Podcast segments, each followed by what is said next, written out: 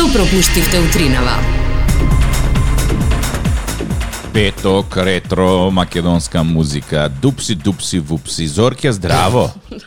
Здраво и на тебе, дупси, дупси, вупси. Да. Денеска ќе растуриме со една веко и, и, и Ристо Бомбата, и студени нозе, и се она што го барат. Нели pre некој ден пушти една анкета на социјалните мрежи, Да. која македонска поп звезда би сакале да ја видите у концерти. Јас изненадив дека многу луѓе ја спомнаа Ена Веко. Ена Веко ти е незаборавен бисер на македонската поп сцена. Од друга страна, многу луѓе го спомна и Врчак. А, Врчак врати се сетија простана. Од трета страна, ја спомна многу и Ерзана. Еј, Но синоќ на одев, кралица. синоќ одев, синоќ бев на водно, по пладнето. И таму горе, нели го земаа тој планинарскиот дом што беше и сега нешто тупси дупси журка имаше. Диџеј пушташе музика да ти пукне глава у планина. На водно. На водно. Значи Вау, уништи доживљај. ептен, ептен има смисла некој за бизнес. Уништен доживљај, што ја ти кажам, таму само точкари и планинари и овој пушта музика дупси дупси дупси и она видов што се дешава, си ги собрав парталите, викам тик-так одма назад овде ќе полудиш, бегаш од гужва и налетуеш на тупси тупси и само што тргнав да си одам од кај крстот и ја слушам Ерзана Нок на кралица ја пушта. А викам друже, се искупи со песнава да знаеш. Инаку Ама ништо, инаку- мафти беше работа. Да, трешти и она викам, не е ова за за за наводно, ама преживеавме некако. Ноки на кралица. Да. До ден денес знае да се случи да ја слушнеш некаде. Најчесто ако по своја желба ја пуштиш на YouTube или на некој друг канал каде што има музика. На времето знам дека постоеше еден, а, па не е тоа портал, туку една веб страница, некаков си регистар каде што можеше да ги сивнеш за домашна употреба сите македонски песни. Ау, веќе не постои. Не постои. Многу ми е жал да, да објавам вака и да кажам дека не постои, а може би тоа беше еден од ретките начини како да се збогатиш, односно да збогатиш својата колекција со некои од ретките песни кои што веќе не се пуштаат на радио и да можеш да ги прислушаш. Сега можеш само да се прекрстиш три пати и да ги побараш на YouTube, ако евентуално ги има со некоја добра квалитетна снимка. Право да ви кажам, многу ми е драго што овде денес и во петок ги слушате песните кои што ем, сите други радиостаници како да ги подзаборавиле, но ние се трудиме да ги вратиме назад, односно да се подсетиме на нив како тоа звучеше времето на вашата, на нашата младост, времето, убавите времиња во кои што сте жизле, ова биле најголемите хитови или ова биле најгласните хитови кои што се пуштале по дискотеките. Не знам ако имало некоја македонска дискотека со македонска музика, драго ми е да се подсетиме на тоа. Така што денес уживајте, попуштате го радиоприемникот, ние и понатаму ќе дрндаме разноразни информации за да ве расположиме, но во фокус нека биде малку повеќе денес музиката, некако баш ми се пее.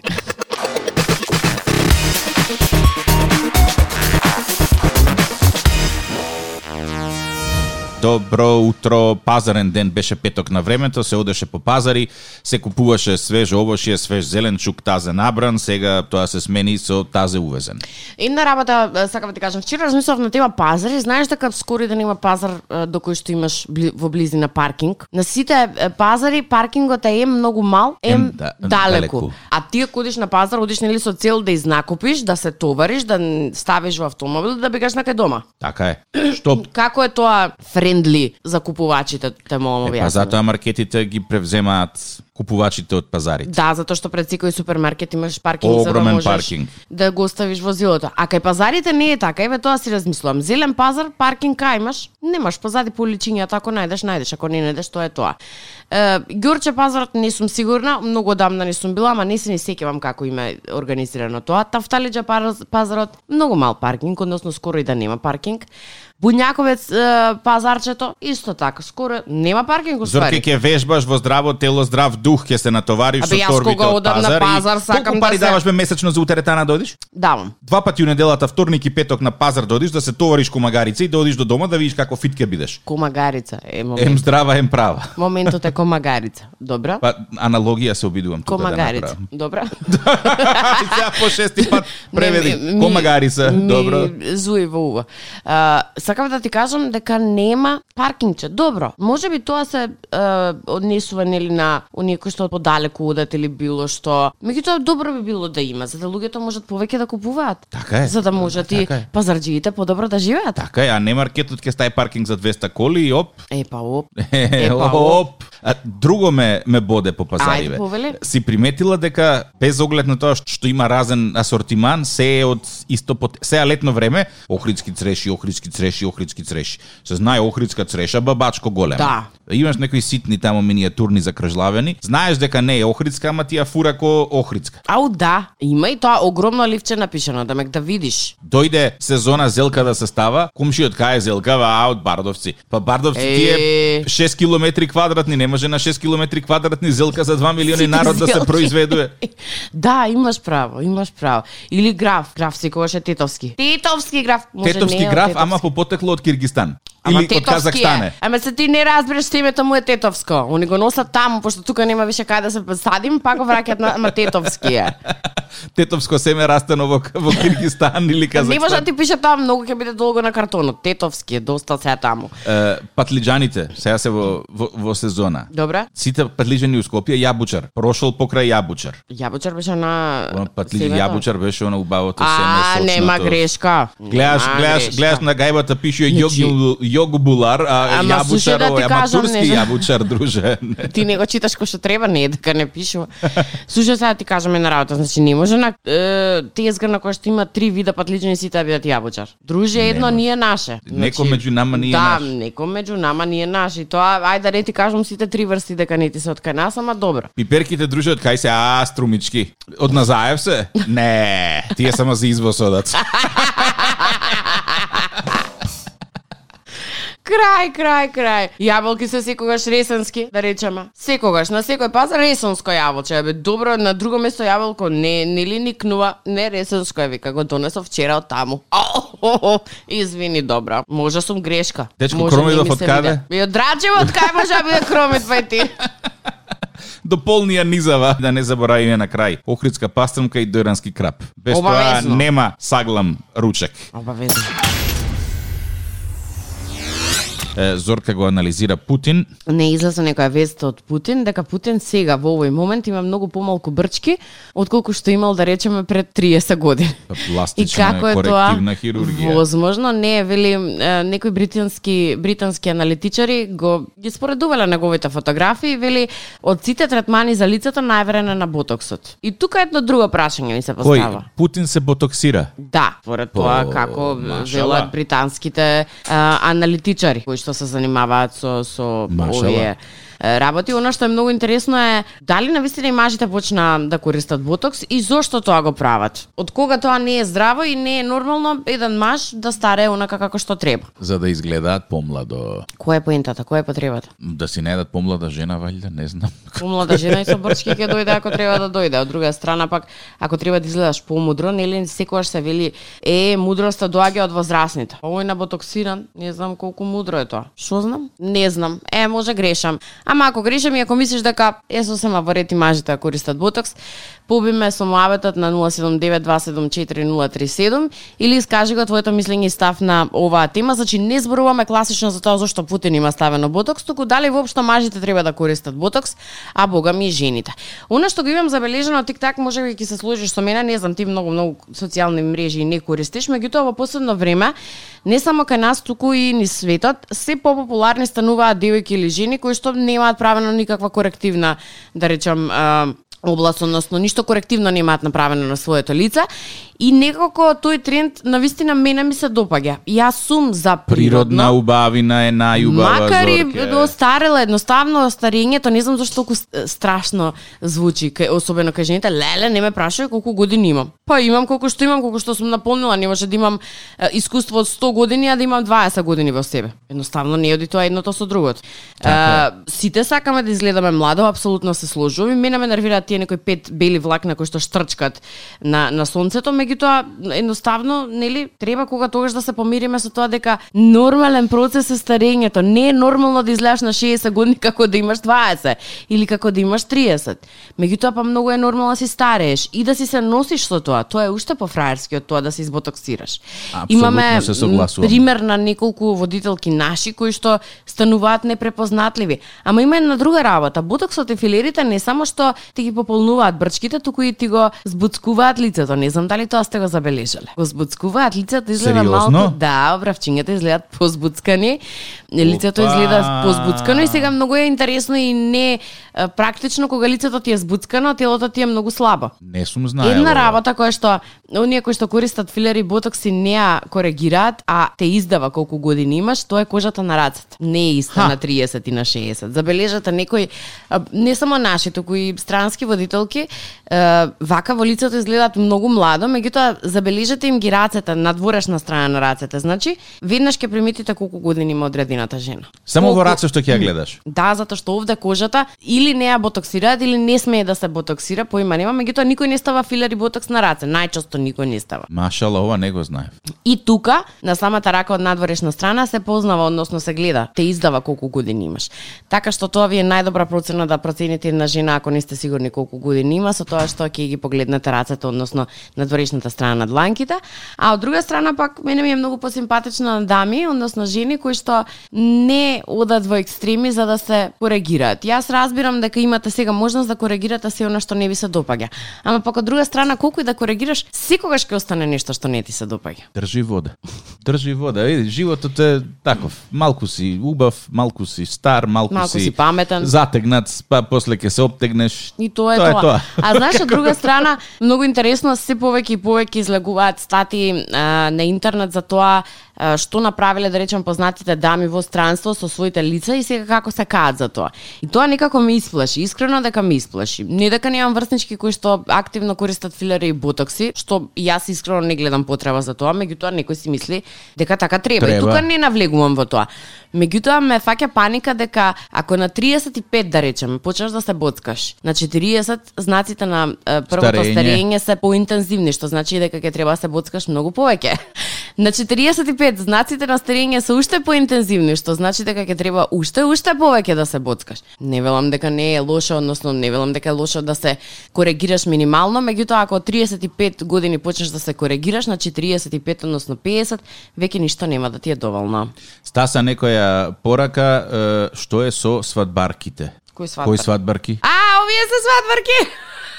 А, Ова тука над, значи помеѓу а, Лактот и мишката, мишката? да, и лактот, она што виси, Зашто е така, тоа свадбарка?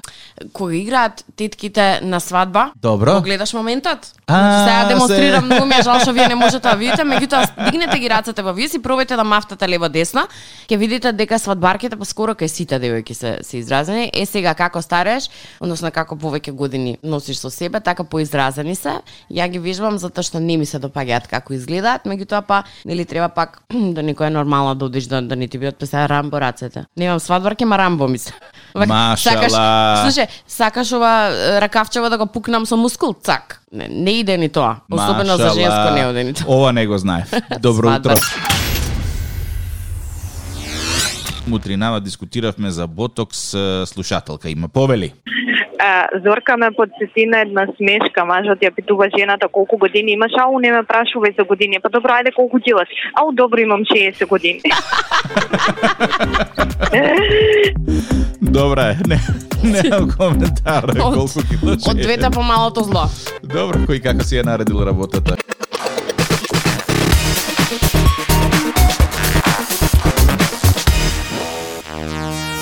Знаеш ли ти, Зорке, дека е, ќе имало некое пробивање на партизанска? Какво пробивање на партизанска? Е, ајде, де тоа, и јас се чудам сега. Вели вака. Откако жителите на Рузвелтова преку платформата Мој град посочија за сечена дрвја на оваа Скопска улица, се јави општина Центар, од каде тврдат дека пробивањето на партизанска е предвидено со програма за работа на секторот за уредување на градежно земјиште. Општинарите велат дека имаат проект бла бла бла. Градоначалникот општина Центар остварил средба со граѓаните улица, според општината, клучно е што до сегашната ситуација имаат е, одредени жители имаат отежнат пристап. Аха, луѓе што живеат на Рузвелтова имаат отежнат пристап до своите куќи, па сега Не разбирам. на улица Партизанска. Партизанска е, Ама- со Рузвелтова се сече кај Симпо да речеме. Добро, окей. И сега? Да. Тука што и ќе сега се тука некаде има некои луѓе што живеат на Рузвелтова, најверојатно во некои од тие новите згради или старите куќи кои што си немаат пристап до дома, па сега ќе ги сечат дрвата за да може да си се не ми е јасно и мене. Се сечат. Ама Знаеш што има што партизанска слушам? да се пробива. Дали знаеш што слушам од целата твоја информација? Гужва, гужва, гужва, гужва, Гужва, гужва, гужва. гужва, гужва, гужва. Тоа е точка која што и во обични денови и во неатрактивни е, временски зони е, е гужва и е многу фреквентна, што значи затварањето на овој потек или работењето на овој потек ќе значи отежното движење на сите оние кои што живееме околу овој потек. Мене ми е жал, ама тоа е тоа. Некој друг решава, некој друг спроведува, едноставно. Ќе има многу стрес и нервоза. Обично и најчесто во летниот период, односно во летните месеци, низ Скопје се е, градот, односно се прават сите оние улици кои што се проблем, да речеме, во текот на целата година. Дали е тоа проблем некоја дупка, дали е тоа проблем поправање на некој асфалт, ставање на нов асфалт, проширување на улица и така натаму. И ти се викаш, леле, таман сите заминаа на одмор, човече ќе може да се вози барем да стасаш онака во, во нормално време од една до друга точка. И оп, реконструкција на еден тон нови улици, односно на еден тон улици, кои што не знам дали сите од нив треба да бидат реконструирани. Реално имаме многу поголеми проблеми околу е, возењето, односно околу патиштата, меѓутоа што е тука, некој друг одлучува, едноставно ќе мора да се внимава тој некој период на одредените локации, а мене ми е особено е, жал што немаме да речеме некоја веб страна или некој известување каде што можеш да видиш да речеме отприлика кои улици до кога ќе се реновираат, реставрираат. Тоа е научна така фантастика. Зошто тоа многу лесно се решава. Отвараш една веб страна, пишуваш информации или правиш, не знам, некое си порталче каде што а, а, секојдневно правиш апдейт на тоа каде се прави, да речеме, застој, односно кои улици се прават во моментов, а не јас да одам од општина на општина на Facebook и да читам дали имаат објавено за некоја реконструкција или немаат објавено. Сето тоа како информација го собираш, го ставаш на една веб страна, таа веб страна после тоа можеш да си ја менаџираш како сакаш. Меѓутоа, чисто да биде, знаеш, во, во функција на граѓаните, Е, на, ама. на возачите, на оние кои што секојдневно се е, движат низ Скопје и низ сите улици. Да речеме, ваква информација можеш да добиеш од таксисти. Постојано се се возат. Човече собери 3-4 таксисти, замоли ги да ти кажат кои улици се прават, кои улици се проблематични, време- собери ги како информација и постави ги. Кога пред да се модернизира нашава држава, ние така со обраќајот го правевме со возачи од ЈСП и таксисти. Сериозно? Се јавуваат да ни кажат каде има гужва, да. У, колку добро. Така да не си многу пред времето, ама добро во, во добра насока ми ми размислуваш. Па сериозно, ако веќе, знаеш, или може да биде платформа каде што секој граѓанин може да впише свое мислење, па оној кој што е администратор може да ги објави или да ги собере оние најрелевантните и најчестите и да ги спои во, да речеме, една мобилна апликација. Зошто да нема? Да речеме Скопје патишта инфо и да ти стигнува нотификација. Цинк, на потекот тој и тој до тој и тој почната реконструкција во ки ќе се и гради во време. Тоа е супер. Ја би се претплатила, еве дала пари тоа да ми стига. Сериозна сум. А Опа. верувај на колку многу луѓе тоа би им значело. Луѓе кои што секојдневно е, струјат, да речеме или имаш Битола, друг град, или самата истата апликација, додајте и Битола, се доплаќа 100 динари пример месечно, или 30 динари месечно, или 50 И, динари, и што во Битола една нотификација месечно ќе ти Добро стига. де, Ден на ама широк одам со пример, кола да одиме, пример, одам во Битола секој втор викенд. Сакам да знам од каде да не одам, односно што да одбегнувам. Знаеш ли колку такви е, некои да речеме, е, леле ова се ова се плаќа иначе. Во некои земји ваквите идеи се плаќаат. Но е, една таква мобилна апликација прво ќе заштеди многу време на сите возачи, на сите пату, на сите патувачи, ќе се растерети гужвата, која што вообичаено се прави заради тоа што еве на пример или имаше ситуација пред 2-3 дена исклучени сите семафори на е, Теодоси Гологанов. Ја би сакала да знам ако се исклучени, да ми таса нотификација ми пише Зорка, во тој период ќе бидат исклучени сите семафори. Ве молиме одберете друга рута. Ти ќе знаеш дека од друга рута побрзо ќе стасаш. Можно е. Тоа би било супер корисно и за шофери да речеме е, возачи на такси возила. ЈСП не може тајме рутата, меѓутоа па пак ќе знаат дека тука има се работи нешто, има гужва. Од друга страна, е, не само ове приватни шофери, Превоз е, буди многу. да се возбудив, многу ми е добра идејата. Ќе ти сварам едно нане. Зошто? Ќе ти кажам за 5-6 минути. Нане. Да. Знаеш од кога немам пиено нане? Какви Може да све се- чаеви ти имам на мени. Да не ова после муавет од вчера ја дека ќе продавам чај во затвор. Ќе ти кажам, остани на Радио 2.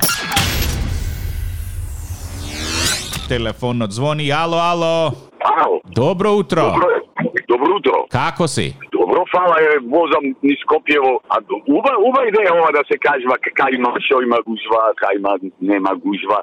Мислам, нема да ми помогне многу, ако морам да врвам по таа и таа улица, имало, немало гужва, мора да врвам. Mm -hmm. Дури да одам, дори да поминам од кај што нема гужва, пак ќе ме фати исто времето, така да чисто информативно може добро е да, да се има добра идеја, се може не за другите градови, не знам колку би помогнало тоа во, во Крива Паланка или во Девар, али Битола би помогнало, затоа што, како што знаете, Битола традиционално ја затвора главната улица и ја претвора во пешачка зона. Добро би било да има известување во моментов улицата е пренасочена во пешачка зона. Трррм. А, не, нема то. Синџири ланци има од 7 вечер до 7 сарајли, тука нема поминување. И нема ни, ни брза помош, ни против пожарна, ни, ни ништо не врви тука, го, готово. Можеш да си седниш, тегла ајвар, лепче, си сјадиш, си врвиш, нема тргни застани. Нема, нема да и семафор, ништо готово, готово, крај. Заборај, заборај на таму да помини. Моли Бога до 1 септември да не се деси нешто да немаш потреба од јавна услуга. Готово, готово, пиши му крст. Да, ето, е битолчани, слушај, нема тука многу многу му муаве то, ш- што ми е гајле дали ки, ки изгори некој или ќе се разболи. Јас сакам да шетам и толку. Ама слушај, и, и општина Прилеп тука за да не каска многу зад вас, а не, не беше Прилеп, Охрид беше. Смениле работно Охрид? време од 6 до 14. Во- Каде, каде? Од На 6 работа? са бајле до 14, да. Во, во администрација? Да. Кој ќе му во 6 сатот? Тоа е добро прашање. Тоа треба од 5 да станеш, море под 5, ако станам ќе правам ништо друго, но ќе од администрација. Види, види, ма, слушај, тежок животот на Кирилица, вервај ме. Идеи има. Од Новосибирск до Кајле, со се Србија и Бугарија. Па, па, па, ова Кирилицата. Да, да, да, да. Добро, добро е, добро е. Ма се е супер кекел, тука нема никаков промаше промашај што би рекле. Баба ми, не знам дали ја, не ја памтиш ти баба ми. Не. Не, да, да, да, тоа пред нашето време беше. Пустата секогаш викаше, бе, дај ми едно семче да прочвакам, глава ме боли. Дај ми едно. Семче. Семче од коноп, Зорке. Путала старата канабис у 60 и 70 години, уво не и чуе, дедо викаше, благо, тоа е забрането. Ова вика, ма што забрането, само тоа ми проаѓа глава, вика, ова модерна медицина не ме лечи. И е, вчера тргнав да видам што се традиционална медицина лечи и налетав на листа на чајчиња. Добро. И мислиш дека би можело нешто да се излечи со помош на чај? Па старите наши тврдат дека може. Добро. Мене ми е малку чудно, ама за некој може и Значи, да верам. ако те боли нешто било каков чај може да се напиеш и ќе ти помине. Е па стомак кога те боли каков чај пиеш? Не пијам чај. Не пиеш чај од нане? Па генерално не пијам многу чај, иако се трудам да се научам, ама а а. Е, за стомак и за вознемиреност чај од нане велат. Аха, затоа ми рече ти да се напијам чај од нане. Вознемирена, Вознемирена беше пред идејата. малку, да, да, Добро. Ако не ти се спие навечер, имаш две опции. Добро. Или шише вино или чај од лаванда. Чај од лаванда? Да. Немам пробано такво нешто, добро? Мириса многу уба. Па веројатно на лаванда, нели? За стрес и нервоза, Чај од лаванда. Бежаки камилица. Ту блиску е. Не, ти со, со чаевите нешто не ти оди. Не, не, не ми оди, не. Ако ти падне енергија, Чај од кафе, не знам. црн чај се вика тој. Ама тука е блиску е, нели? Чај од кафе. Добро. За лутина и без, Е, не знам. лимон и портокал. Зошто? Веројатно имаат некое смирувачко дејство. Тоа киселината најверојатно. Значи, ако си нервозен, чајот е, лимон, и портокал. Да, Мгм, чуда добро. прави. За замор, Не знам. зелен чај, Тој не ли беше и за изфрлање на токсините и за слабење? за се. Биде зелен чај генерално сигурно помага, меѓутоа единствено нешто или единствен начин како мене зелен чај би ме ослабел е ако одам до Кина пешки да го наберам лично. Добро. Поинаку никако. Држи вода. Ќе ти чај да береш. На, на, на Мавро не оди чај да береш, во Кина ќе береш. Ама до Кина ако отидам пешки да го наберам сама ќе ме ослабе. За напнатост и нервоза, коренче едно е, мајка ми тоа го пиеше на времето. Ѓумбер? Валеријан, леле Зорке. Ти да тргнеш да се лечиш со со ваква ретро медицина, кој знаеш што стане од тебе, ѓумбир вик. Поиме не коренче рече, коренче на ѓумбер ми зали. Нервоза? Чекај се ова стана квиз одеднаш. Ја треба. Лимунска трева. Лимонска трева. Да, тоа е една трева малецка, Добра. оштра вака што многу што мириса на лимун. Не знаев. М, Ја имаше по Америките и сега наеднаш и кај нас се појави. Добра. И за анксиозност, Апче знам. е ама чајче, жолто цвеќе. Камилица. Канта. Стварно сите прво до последно ги утнав. Значи ова само ја го можам, добро. Не, немој, молим те, ако некој во твоето поблиско окружување е болен и има потреба од хербален лек, ти да, да, да, да му даваш, те молам, држи се до медицината и до хемијата. До тоа што го знам. Што ти е, ме боли стомак, а ѓумбир. Зелена трева. Ау, не беше ни зелена трева. Лимунова трева. Лимунова трева беше, леле, да. Тик-так и Зорка, facebook.com, коса црта Тик-так и Зорка, Instagram Тик-так и Зорка, телефон 079-274-037. Сите оние емисии кои што ги пропушташ во текот на утрото, можеш да ги слушаш и на слушај.тиктакизорка.мк.